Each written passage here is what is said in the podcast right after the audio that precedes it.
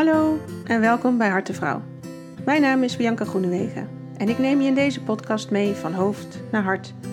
Want wie ben je eigenlijk diep van binnen als je al die verwachtingen van buiten loslaat? Ik deel mijn ervaringen over mijn eigen pad en praat met mensen die ik onderweg ben tegengekomen. Ik hoop dat ze jou net zo inspireren als mij, zodat jij ook die sprong kan wagen van angst naar liefde. Om weer thuis te komen bij jezelf jouw mooie, ware ik. Ik deel met jou de echte verhalen, de successen, maar ook de zoektocht naar wie je nou werkelijk bent. Want die zoektocht kennen we allemaal. En hoe meer we delen, hoe meer we helen. Want jij, mooi mens, mag precies zijn zoals je bent. Laat je inspireren en kies je eigen pad. Ik nodig je uit. Ga je mee?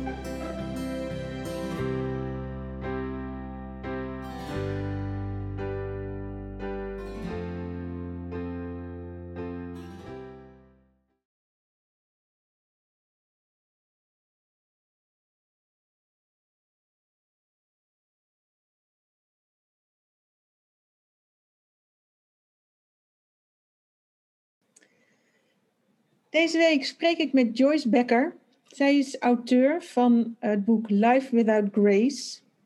En Grace is de naam van jouw ongeboren tweeling. Ja, klopt. Is dat de naam die jij eraan hebt gegeven? Of? Ja. ja, en daar is het helemaal mee eens. wat goed, wat goed, wat goed. Ehm, en een hele mooie ondertitel autonoom leven en werken zonder je tweelinghelft. Welkom Joyce. Ja, dankjewel Bianca. Hartstikke leuk om bij jou aan te schuiven. Ja, nou, eens gelijks. Ik, uh, ik ben nou net een, een, een, paar maanden bekend met mijn, uh, ja, met mijn tweelingen, zeg maar. Uh, dus ik ben nog volop uh, aan het zoeken naar informatie en en, en wat is het nou? En, en ja, wie houdt zich daarmee bezig? En zo kwam ik eigenlijk dus ook met jou in contact. Want jij organiseert uh, vanaf 30 september een vijfdaagse. Waarin je in verschillende video-interviews eigenlijk het onderwerp van alleengeboren tweelingen belicht. Toch? Klopt helemaal. Ja, het is uh, een interview, video-interview reeks met en over alleengeboren twee dan wel meerlingen. Ja, ja het is super mooi. Ik denk dat daar nog veel mensen uh, meer van mogen weten, zeg maar. Hey, en jouw boek, um, hoe ben je daartoe gekomen? Hoe, hoe, hoe heb jij ontdekt dat je een alleengeboren tweeling bent? Dat is zo rond 2015 geweest dat ik het zeker wist. Maar terugblikkend, ja, dat, dat zat er gewoon echt al jaren aan te komen. Het, uh, het, het, was gewoon het laatste stukje. En, en dat was bij een spiritueel coach waar ik was. En die vertelde me dat. Uh, ik vroeg ook om bevestiging. En ze zei dat het belangrijk voor mij was om erachter te komen wat er in de baarmoeder is gebeurd en wat daarvoor is gebeurd. Maar in eerste instantie dus inderdaad die bevestiging, je was daar niet alleen. Oké. Oké. En wat, wat deed dat met jou? Want dat is best wel um, nieuws. Ja, dat kan je gerust zeggen. Daar heb je ineens een zus bij, hè? Ja. ja, wat doet het met me? Uh, aan de ene kant inderdaad verwarring. Want ja, je hebt er een zus bij en, en die wil erkend worden. En ik wil ook die zus erkennen. En dus dat geeft best wel chaos en een onzekere tijd. Uh, alles verandert. En aan de andere kant ook, hè, hè, ik mag rusten. Want ik heb als rode draad eigenlijk heel mijn leven ben ik op zoek geweest naar wie of wat. Geen idee, maar op alle levensvlakken uitte dat zich. Altijd maar op zoek. En niets of niemand vinden. Dus het gaf ook rust. Ja, wat mooi. Ja, wat grappig. Ja, dat vind ik wel leuk, want ik, dat vragen mensen wel eens aan mij. Van jeetje, je bent altijd maar bezig. Hè, of met een nieuwe opleiding, of een cursus, of uh, nieuwe informatie. En inderdaad krijg je dan ja, de vraag of de opmerking van... Goh, je blijft maar zo zoeken. En nu jij dit zegt, denk ik, oh, Dus nu valt bij mij dan dat kwartje pas dat dat misschien ook daar wel mee te maken heeft. Nou, dat, uh, die kans is uh, levensgroot. Ja, ja, ja. En heb je ook uh, broers en zussen bij leven? Ja, ik heb een oudere broer en uh, twee jongere zussen, waarvan de jongste, Bonnie, die is overleden op de dag, op mijn verjaardag, dat ik 55 werd. Het engelengetal van de transformatie. En ja, dat beschrijf ik ook in mijn boek, dat ook wat dat aangaat, alles op zijn, ja, op zijn plek viel. Uh, net ik heb net zoals vele andere alleengeboren tweelingen heel veel ook iets met verjaardagen. Het is je geboortedag. En onbewust, ja, bij de een uitzicht dat een schuldgevoel, bij de ander, ja, die, die maakt toch een link naar leven en dood. Ik word geboren en die ander niet. Dus op mijn verjaardag, en dat is door de jaren heen, ging er als rode draad, ja, iemand hemelen. Vanaf mijn oma uh, tot ja, de beste vriendin van, van, mijn dochter toen ik 50 werd. En bij mij ook vooral met kroonjaren. En, en nu ook op een 55ste ging Bonnie, mijn uh, jongste zus. Want de huisarts die kon alleen maar die dag. Het was euthanasie. Okay. Dus op het moment inderdaad dat ik erachter kwam van... ah, dit uh, Grace is uh, ja, uh, ook in mijn leven, al die tijd onbewust, kon ik ook dat een plek vinden.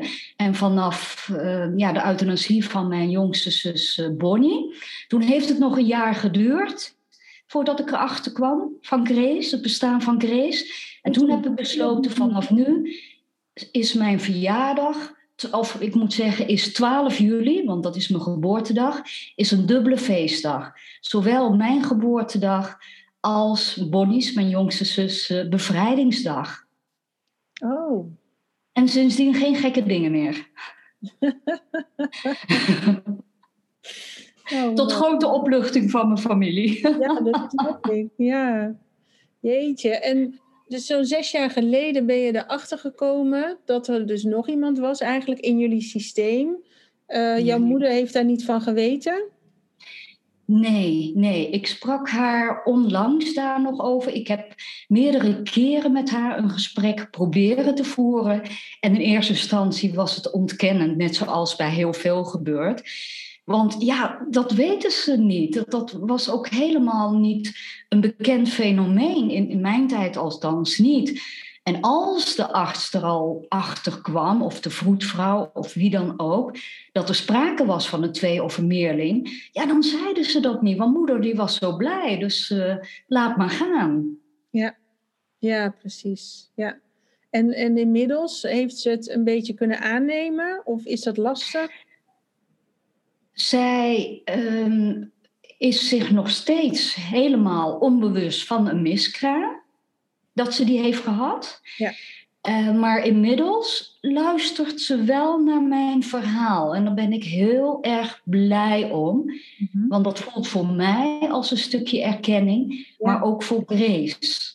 Ja, ja. En, en vanwaar de naam? Had je behoefte om een naam te geven?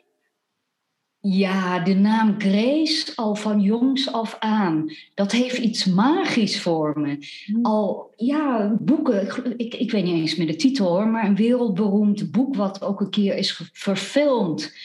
Dat, oh, dat vond ik zo bijzonder. En uh, liedjes ook waar Grace in voorkwam. En uh, die verfilming van Tessa de Loos, De Tweeling. Oh, ja. ja, ik, ik heb ja, ik heb die dvd eh, gekocht en ik weet, ik weet niet hoe vaak bekeken.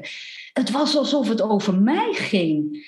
En niet snappende dat. En ja, ja ook dat valt nu op zijn plek. Ja, ja, zeker. Oh, bijzonder zeg.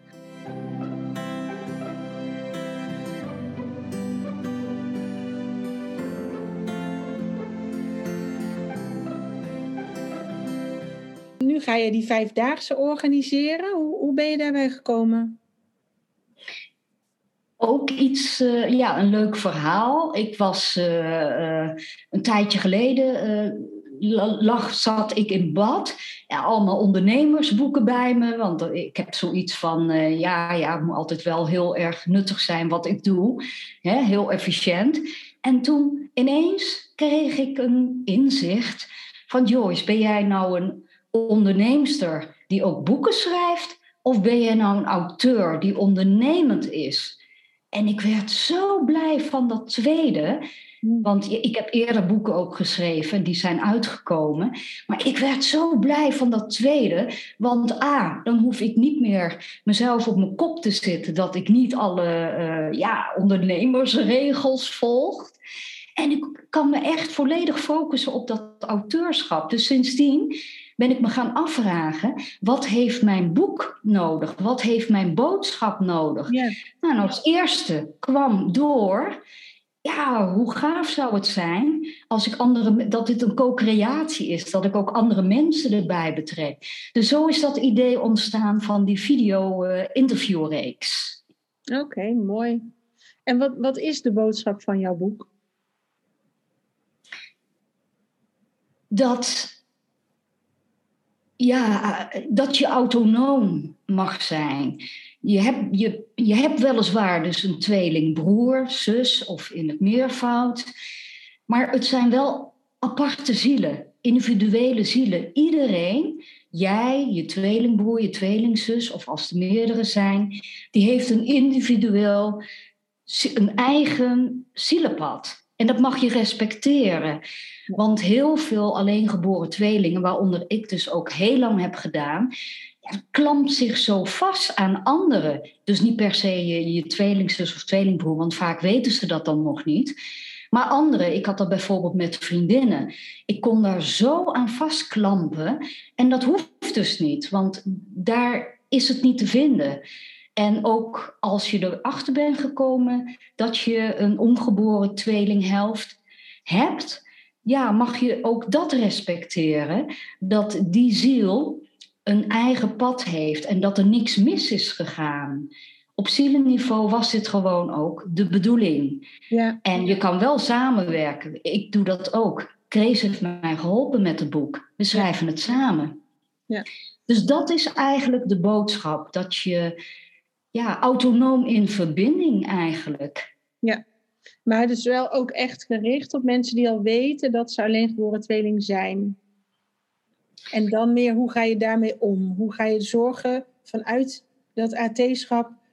Ehm, hoe blijf ik mezelf en ga ik niet het leven van mijn broertje of zusje leiden?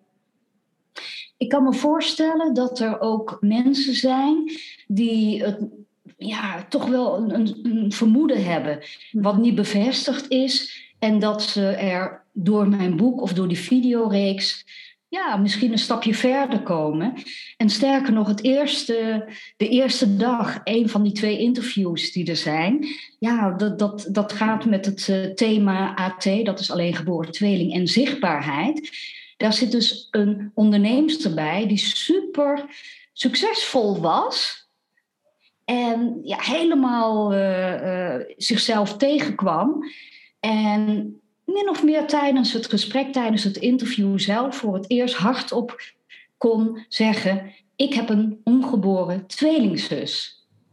Dus het is, uh, ja, ik denk voor iedereen die belangstelling heeft überhaupt voor dit onderwerp, is dit, kan dit heel erg boeiend zijn. Ja, ik denk sowieso op het moment dat alleen geboren tweeling aanhaakt bij je, dat is reden om op onderzoek uit te gaan. Want Absoluut. dat is niet niks. Ja. ja, dat mag je gerust echt heel serieus nemen. Het komt niet voor niets langs. Ja, precies. Ja. Ja, en het kan ook echt al heel vroeg in de zwangerschap zijn, hè, zodat het ook niet is opgemerkt. Um, ja, meestal. Ja, ja, ik, weet, ik ben erachter gekomen tijdens een uh, training die ik volgde van uh, geboorte in kaart. Uh, dat gaat over geboortepatronen en de invloed daarop, ehm, ja, eigenlijk op gewoon de rest van je leven, op je gedrag, op je overtuigingen, eh, op je valkuilen, van alles, ook op je kwaliteiten. En um, nou, dat werkt heel visueel eigenlijk. Dus we gingen kijken, hè, hoe werkt dan die kaartenset? Nou, visueel ga je alle dingen langs. En wat je raakt, uh, hou je even apart. Dus ik werd enorm geraakt door een kaart die. Uh, nou, het stoorde me mateloos dat ik die had gepakt. Heel gek, maar dat stond het perfecte gezinnetje op. Hmm. Het ideale gezin, zo in ieder geval qua foto. Nou, ik weet nog dat ik dacht, gat Sidari, alsjeblieft niet. En ik dacht, hm, wat gek. En ik pakte er een uh, kaart uit waar twee babytjes helemaal tegen elkaar aangekroeld lagen. Hmm. En ik dacht van ja, ik ben geen tweeling, maar dit beeld raakt me. Dus ja. En ik kon het ook niet wegleggen, want hè, daarna ga je er meer naar kijken, ga je erover praten. En ben je dan een tweeling? Ik zei, nee, ik ben geen tweeling. Waarom pak je die kaart dan? Zei, geen idee, maar die mag je echt niet wegleggen. En um, nou bleek dus een van de kaarten die ik ook had uh, genomen, dat was dan de alleengeboren tweelingkaart. En toen ik dat zag en dus welke patronen daaruit voortkwamen, dacht ik, ja, yeah. uh, ja, huh? hoe dan? Hè? Heel gek. Dus ook inderdaad met mijn moeder gesproken. Nou, die kon zich niks herinneren. Dus toen dacht ik nog even, hè, raar, dan zal het misschien wel niet. En toch was het gevoel zo sterk en meteen zo waar. Ja, dat ik eigenlijk daarna niet meer terug kon. En dacht, ja, voor mij is het waar. Laat ik het dan zomaar zeggen. Voor mij klopt het. Ja, en dat mag je heel serieus nemen. Ja, zeker. Ik, ik ben begin dit jaar bij iemand geweest die daar een reading op uh, gedaan heeft. Die is gespecialiseerd ook in alleengeboren tweeling. Um, toen bleek er geen tweeling, maar drieling te zijn. Dus dat een broertje en een zusje erbij waren. En eigenlijk toen ze dat beeld uh, liet zien, toen uh, ja, kreeg ik fundament of zo. Toen uh, ja, zakte ik, dacht ik, oh ja, thuiskomen, oké. Het was zo makkelijk aanvaarden, omdat het gewoon waar was. Ja. ja. Heel bijzonder. Maar wat ik ook had gedaan, was natuurlijk het rugzakje van de een erbij nemen en het rugzakje van de ander erbij nemen. Hè, en zij vroeg me ook, oké, en wil je nu die rugzakjes loslaten? En ja, de, je natuurlijk reacties ja, maar ik merkte dat ik dacht, ja, maar ho eens even. Ik ben zo gewend om die rugzakjes te dragen. En ik heb nu eindelijk dat beeld van ons met z'n drieën voor me. Wil ik dat wel loslaten? Dat vond ik best een, uh, een overwinning. Het was heel pittig. Ja. ja, je mag eraan toe zijn. Ja. Ja. Ja, want uh, als alles uh, zo snel achter elkaar gaat, hè, het bewustzijn dat het zo is, en dan meteen moeten loslaten, ja, dat, er mag misschien wat tijd tussen zitten. Ja, ja dat geloof ik ook. En dat je er, uh, ja, dat je er naartoe groeit. Ja, ja dat geloof ik zeker. Hey, wat ga je doen die vijfdaagse? Wat zijn de thema's die je bespreekt? Um, wat gaat, wat gaat ja, de, de, sorry, de interviews die zijn al uh, opgenomen. En dag 1, dat is donderdag dan, de 30ste. Dan is het thema AT, nogmaals, is alleen geboortweeling. AT en zichtbaarheid. Twee interviews. Dag 2 is AT en het lichaam. Dag 3 is, ja, AT en creativiteit. Want heel veel alleengeboren tweelingen zijn super creatief op de een of andere manier. Dus dat vond ik ook wel heel leuk om daar een apart thema aan te wijden. Dag vier is uh, eh, AT, het begeleiden van AT Kids. als je zelf dus een miskraam hebt gehad en, en je kind is dus een alleengeboren tweeling of meerling, hoe ga je daar nou het beste mee om? En dag vijf is het zielenpad van de uh, alleen geboren tweeling. Dus wat gebeurt er nou op zielsniveau? Ja. Dus uh, ja, dat zijn uh, de vijf dagen.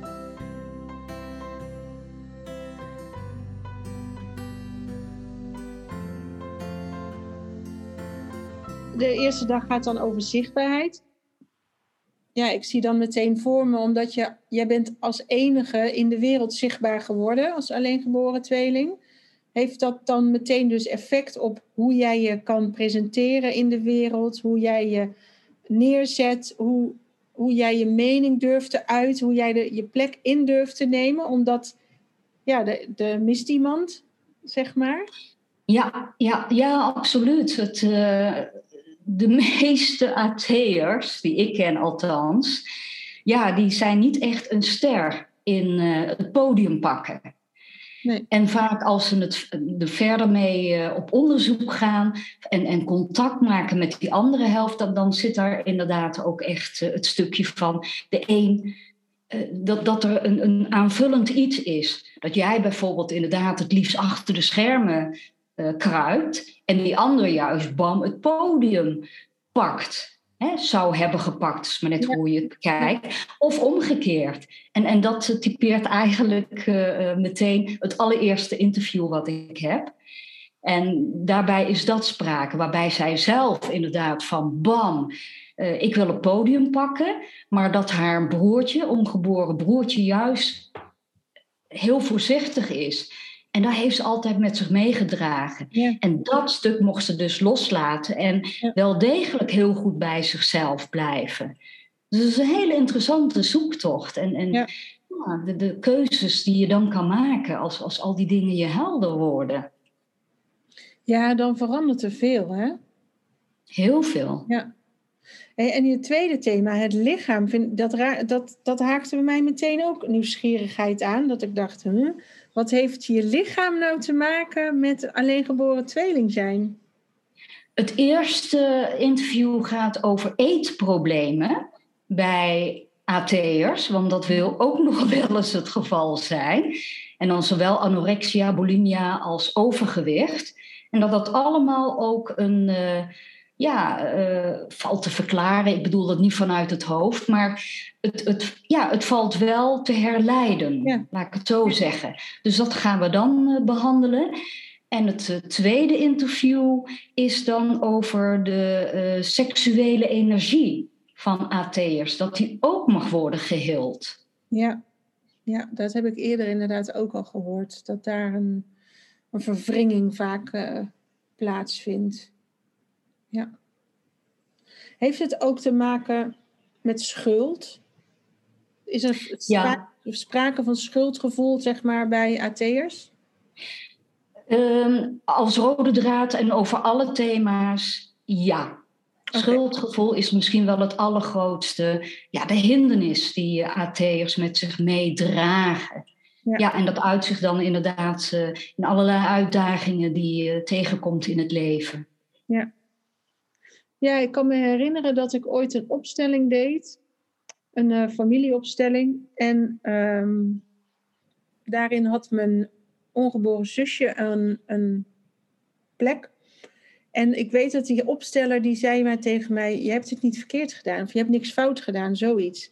En ik hoorde iemand dat zeggen buiten mij, maar het kwam totaal niet binnen. En ik werd er een beetje boos van, want ja, volgens mij schreeuwde ik bijna wel onder. Ja, maar ik heb haar in de steek gelaten. Dat gevoel kreeg ik heel erg. Want ik ben wel geboren en zij niet.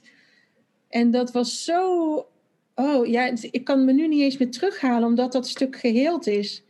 Maar in, op dat moment was dat zo heftig en veel. En uh, ja, de, enorm schuldig. En dat je daardoor maar zo hard bezig bent, zo hard aan het werken om het dat maar weer goed te maken of om die schuld in te boeten of om het te rechtvaardigen dat je er wel bent. Uh, ik mag er zijn.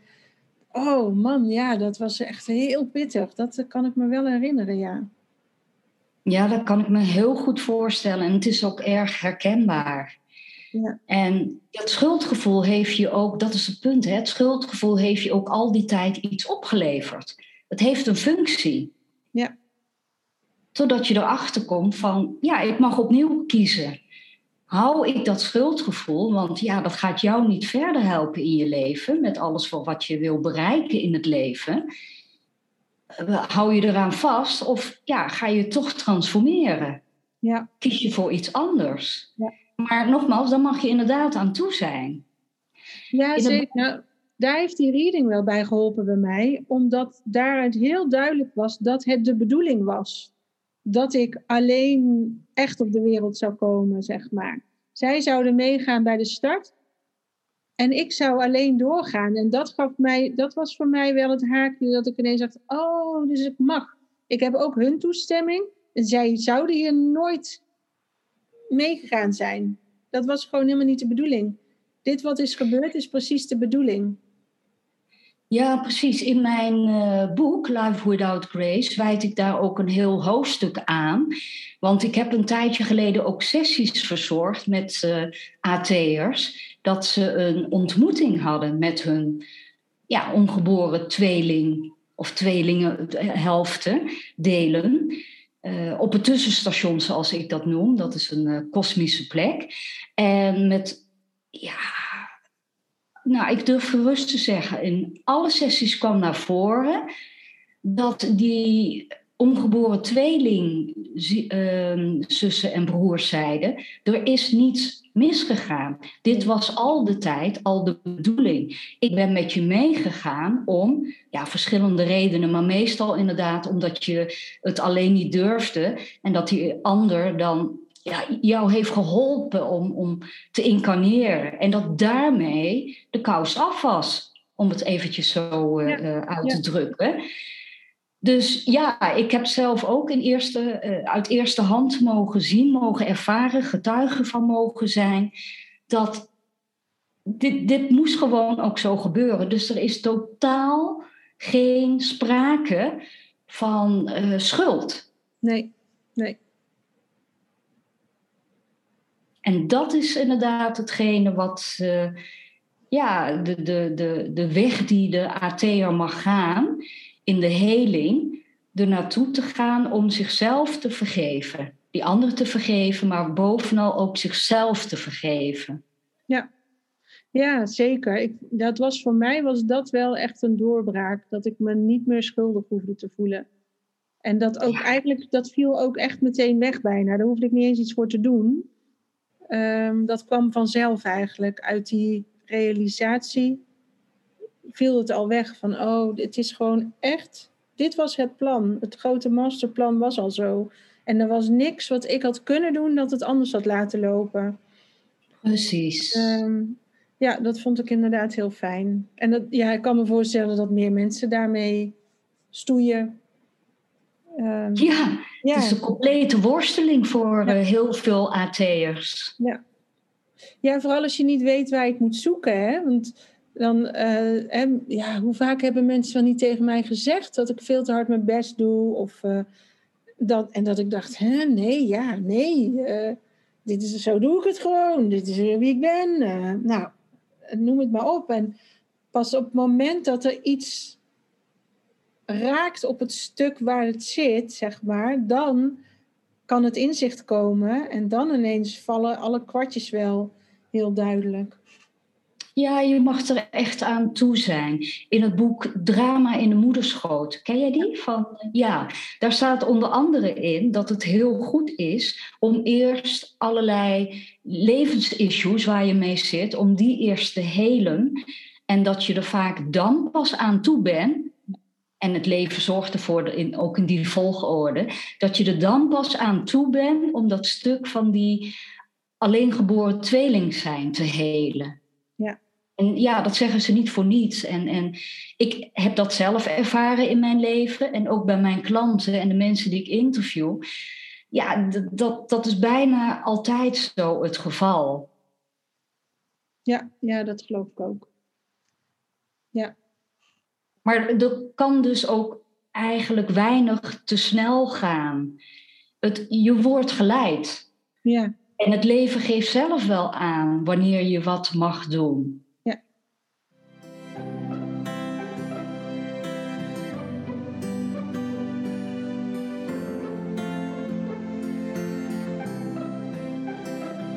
Dat vind ik ook nog wel een uitdaging. Maar steeds meer uh, inderdaad leer ik wel gewoon te vertrouwen op dat de tijd komt als die daar is. Maar dat is natuurlijk niet zoals we opgegroeid en opgevoed zijn in onze samenleving. Hè? Die is heel maakbaar en je hebt alle invloed zelf en jij bent in control. En dat is wat we leren en dat mogen we daarna weer af gaan leren. Ja, precies. Dus dat is een uh, hele uitdagende weg. Maar wel een hele mooie weg, moet ik zeggen. Ja, het verrijkt zeker. Ja. Ja, en, en die vervulling, dat woord heb ik nog niet genoemd, maar dat, dat is eigenlijk als rode draad. wat, uh, waar AT'ers echt naar op zoek zijn. Dat is vervulling in hun leven. Oh, mooi. En, en hoe, hoe verhoud je dat dan tot dat verlies van die tweeling uh, in de moederschoot? Zou die hun anders vervuld hebben, zeg maar? Nou, doordat je dat vroege uh, verlies, trauma al hebt meegemaakt, mm ja. blijf je maar op zoek gaan naar vervulling. In andere mensen, in andere situaties, in woningen, in werk. Dat kan echt letterlijk op, op ieder levensgebied zijn. Ja. En pas als je um, ja, um, herkent, erkent, weet waar dat vandaan komt, dat het niet buiten je te vinden is, maar alleen binnen jezelf.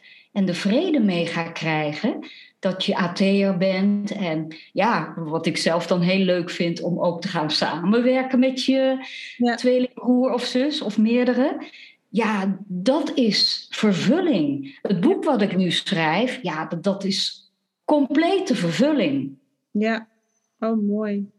En kan je nou heel goed voelen wat, wat van jou is, zeg maar, uh, in je gedragingen of, of overtuigingen of wat dan ook, en wat van Grace is? Kan je het verschil daarin voelen of heb je dat geleerd? Of hoe, hoe onderscheid je jezelf van haar? Ja, dat is ook een proces hoor. Ja. Van, uh, uh, zeker, zeker, omdat ik inderdaad ook uh, er nogal verslaafd aan was als rode draad in mijn leven, om het vooral buiten me te zoeken. Dus ja. ook met Grace, toen zij eenmaal in mijn leven was, was het ook eventjes aftasten van, van hé, hey, wie ben ik, wie ben jij en waar ligt de grens? Maar ik heb nu een, ja, een heel mooi afspraak met Grace, hoe ik op een makkelijke, hele aardse, hele fysieke manier kan afstemmen of het van mij is of van haar. Oké. En Maar gaandeweg moet ik ook zeggen, voel ik dat gewoon. Ik, yeah. hierin is het voor mij een proces om steeds meer te vertrouwen op mijn eigen intuïtie. En ik zit nu, uh, ben ik zover dat ik het alleen maar die check doe. Als ik echt zeker wil weten, als het echt gaat om iets uh, belangrijks of zo nog eventjes van, oké, even checken. Van, van, klopt het wat ik uh, voel? Is dat van mij? Maar uh, ja, nee, ook uh, Grace is ook echt heel duidelijk doorgekomen in de vorm van inspiratie. Bij het schrijven van mijn boek, maar ook met het samenstellen van die videoreeks. En ik ben ervan overtuigd dat ze er nu ook bij is. Ze fluistert me dingen in en het is, het is een kwestie van erop vertrouwen en, en eraan overgeven. En ja, ja, en er ook op vertrouwen van, van dat het alleen maar goed voor mij is. Grace zal mij niks laten zeggen of doen wat, wat schadelijk is voor me. Dus dat is ook in dat proces van het leren kennen van die ander, is, is het leren vertrouwen ook.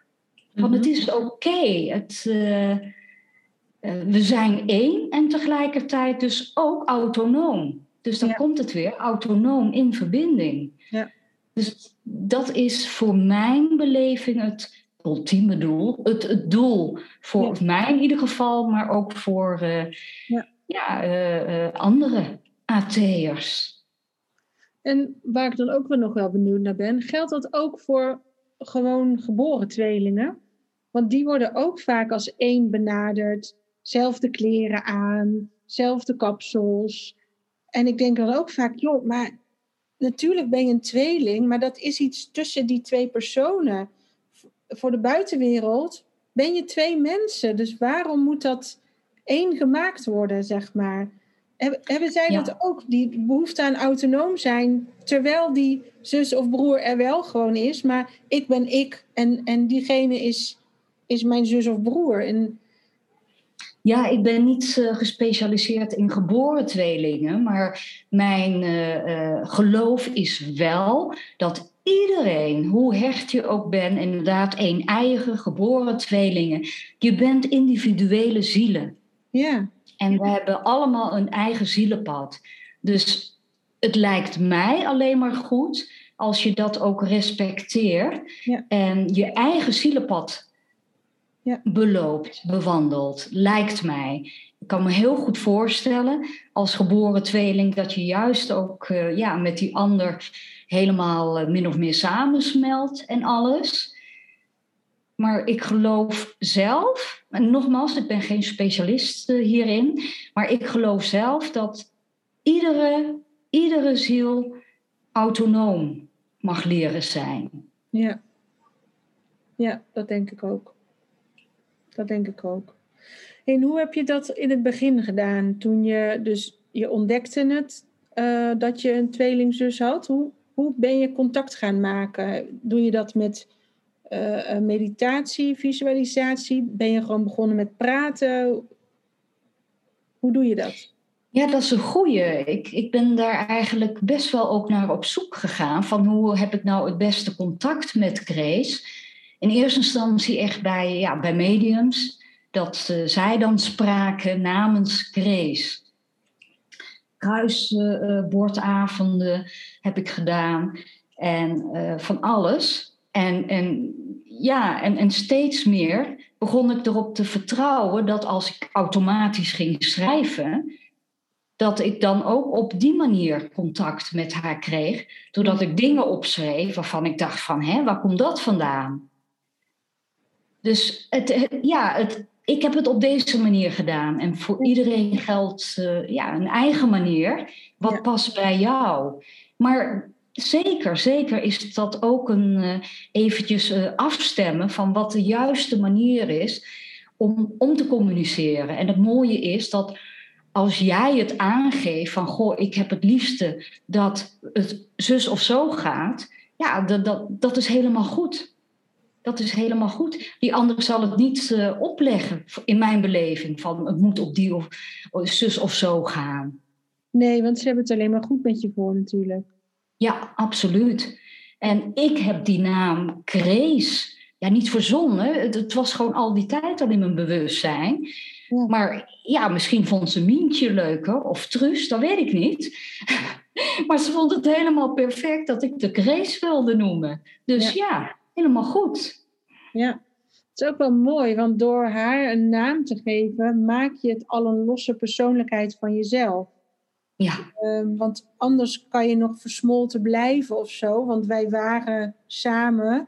En door haar een andere naam te geven dan die van jezelf, wordt het al een individu. En jij dus ook. precies. Ja. Ja, mooi. Wat, wat heeft het je gebracht? Want je bent, tenminste zoals ik het nu zie, en, en hè, je, je hebt het ontdekt, je bent de boeken gaan schrijven, je hebt nu die vijfdaagse, dus je bent er veel mee bezig, eh, denk ik. Wat, wat heeft het je gebracht, het hele pad vanaf het ontdekken tot nu? Behalve dan de relatie natuurlijk met Grace, maar ehm, Ja, verrijking van mijn leven. Het is veel zinvoller. Ehm, veel minder heimwee nu naar thuis. hmm, En ja, en, en ook het echt het geloof en het vertrouwen dat ik heel veel anderen hiermee kan helpen. Ja. En dat op zich is al heel erg verrijkend. Ja. Ik Ja, geloof dat- dat mijn boek en, en ook die interviewserie echt heel veel mensen kan helpen. ja, Juist in deze tijd is het belangrijk dat mensen eh, ja, naar binnen keren. Want wat er in de buitenwereld zich voordoet, is eigenlijk in het vergroot een weerspiegeling van wat er in jezelf plaatsvindt. mhm, En dat dit daarom misschien ook wel een zegening is. Waar de tijd waarin we nu leven, een grote uitnodiging, als je het zo wil noemen, om echt het innerlijk werk te gaan doen. En wat het je uiteindelijk oplevert, ja, dat, dat is dat, die verrijking, die, die vervulling en, en de eenzaamheid kunnen loslaten.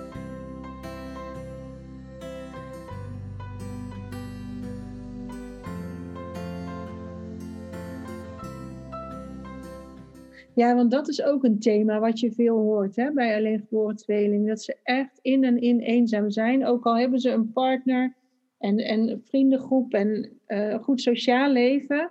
Dat stukje, maar ik moet het wel alleen doen. Of hè, ja, dat echte eenzame deel. Ja, ik heb een uh, tijdje in het verleden was ik ook uh, zangeres in twee bands. En ja, min of meer wel uh, succesvol, zeg maar. En het was echt ook bij optredens, dan ging het hartstikke goed.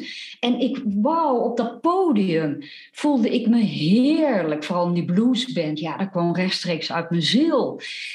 Maar uh, daarna, en dan stond ik midden in, in, in, tussen het publiek en iedereen hartstikke enthousiast. En dan kon ik me zo in en in alleen en eenzaam voelen. Ja. En geheid dat ik dan, ja, diep in de nacht moest natuurlijk allemaal opruimen en alles. Je bent altijd de laatste dan ook die het licht uitdoet in zo'n band.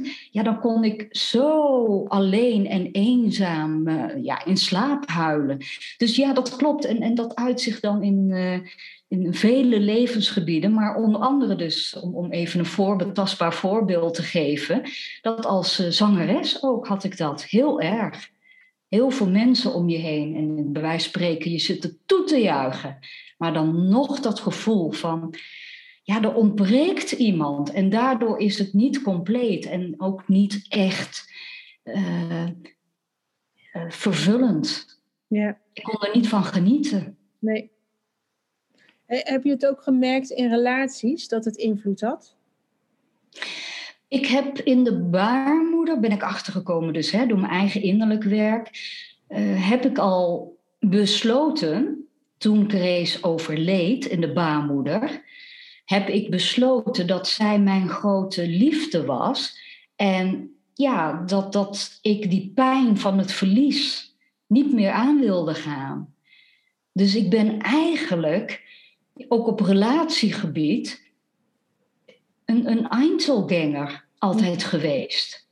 En ik moet wel bij zeggen, nu ook wel heel erg persoonlijk, in de laatste keer dat ik contact kreeg met Grace via een, ja, mijn spiritual coach noem ik haar, toen heeft Grace aangegeven van, ja, dat het wel weer tijd wordt voor mij voor een uh, nieuwe levenspartner. Dat ik daar open voor mocht staan.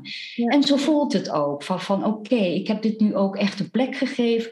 Ik heb mezelf ontslagen van de belofte die ik toen de tijd aan Grace heb gemaakt. Zij is mijn grote liefde en ik wil nooit meer die pijn ervaren van het verlies van een grote liefde. Nee. Dus dat uh, heb ik nu... Uh, of ik ben er nog mee bezig. Ik moet zeggen, ik heb echt de focus nu uh, op het schrijven en het uitgeven van het boek. Ja. En, maar ja, het, dat heeft zeker, zeker op het relatiegebied grote invloed gehad. Ja. ja, je wilde natuurlijk trouw blijven aan dat stukje van het systeem. Ja. En nu heb je de goedkeuring om gewoon jezelf te gaan volgen daarin. Ja, precies. Ja. Precies. Dus ja, dat is wel een bevrijding hoor, moet ik zeggen. Ja, ja bijzonder. Bijzonder. Zijn er nog typische eigenschappen die jij weet van alleengeboren tweeling? Dat je zegt, nou, als dit en dit zich voordoet, dan kan het zomaar zijn dat. Om even de luisteraar een beetje uit te dagen. Bij zichzelf nou, te ik denk. Ik denk dat we er al een aantal hebben genoemd. Maar het, het kan gewoon echt letterlijk op ieder levensgebied van je zijn. Dat als je uh, ergens tegenaan loopt, dat dat zomaar zou kunnen komen door jouw AT zijn. Dus ik wil eigenlijk ook de luisteraar uitnodigen om dat voor zichzelf eens in kaart te gaan brengen. Welke levensgebieden, en dat is heel breed, hè? echt letterlijk alles bij wijze van spreken. Noteer het eens en wat zijn je uitdagingen daarin? En kan het ermee te maken hebben dat dit is omdat ik AT ben? En mijn boek geef ik ook om, die bestaat uit 18 thema's, waarin ik mijn eigen uh, verhaal daarin vertel. En ik eindig ieder thema, ieder hoofdstuk ook met een oefening, waarbij mensen zelf aan de slag kunnen ja. en het bij zichzelf kunnen ontdekken hoe of wat. Maar het, het is eigenlijk, uh, ja, ieder levensgebied kan dit zich uiten. Ja. ja, het is een kwestie van die spiegel goed voorhouden en daarin durven kijken eigenlijk. Ja, ja, en weten, weten dat er niks fout is gegaan en dat je wordt geholpen. Het, het gaat nooit te snel, je heling. En, hè, want dan hoor ik wel eens van mensen: oh jee, gaat het mezelf dan niet overspoelen?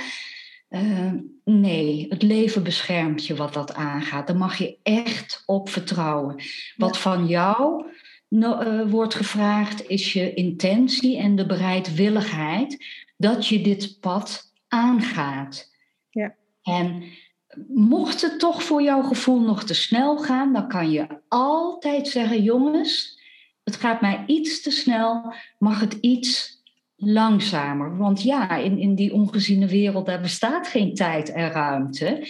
Dus het, uh, je mag zeker, je, daar heb jij alle zeggenschap ook in. Jij mag aangeven welk tempo jij wil. Maar daag jezelf daar ook in uit. Dat je niet uh, gaat versloffen of zo. Nee, precies. En ik, ik geloof ook altijd heel sterk dat wat zich laat zien, is ook klaar om gezien te worden.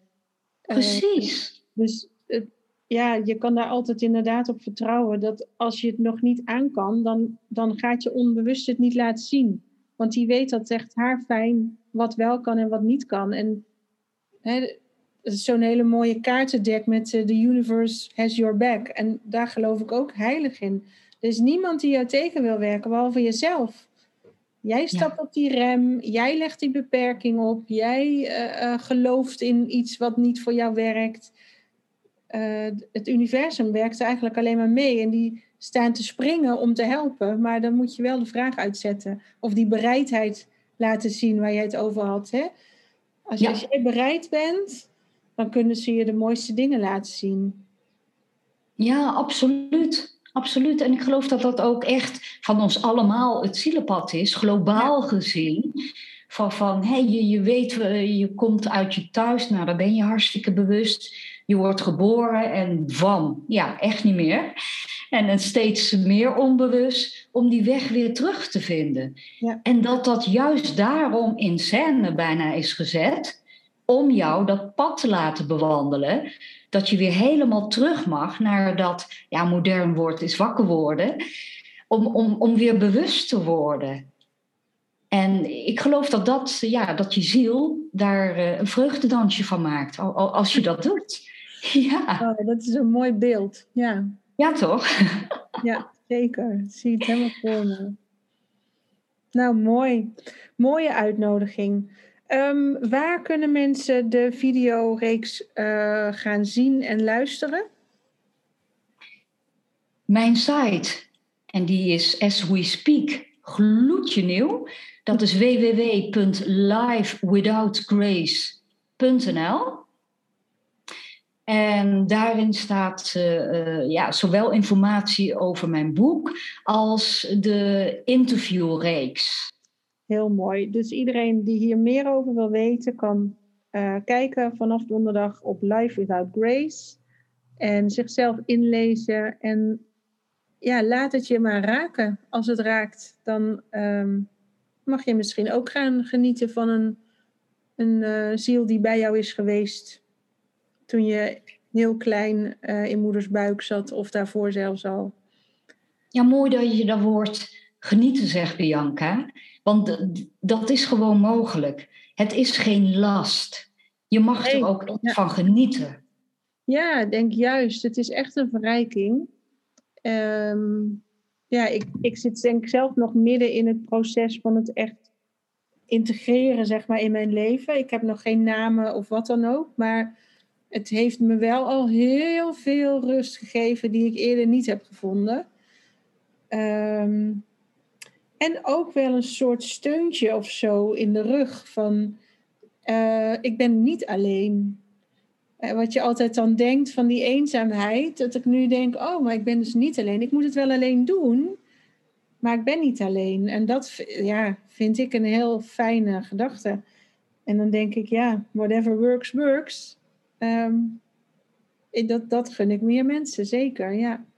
Ja, mooi. En daarom heel fijn dat jij ook podcast over dit onderwerp en er ook over, open over praat. Dus dat is hartstikke waardevol, Bianca. Ja, ja ik ben heel benieuwd. Ik, ik ga zeker zelf luisteren in ieder geval.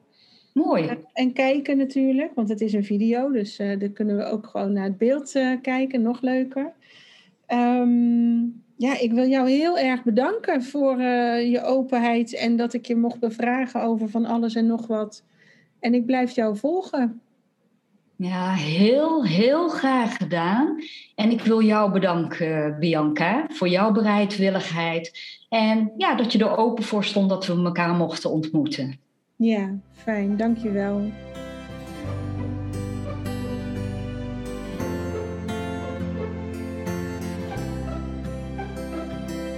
Dat was Hartevrouw voor deze week. Fijn dat je erbij was. Abonneer je op deze podcast, dan mis je geen enkele aflevering meer. Je kunt me ook volgen op Facebook of Instagram.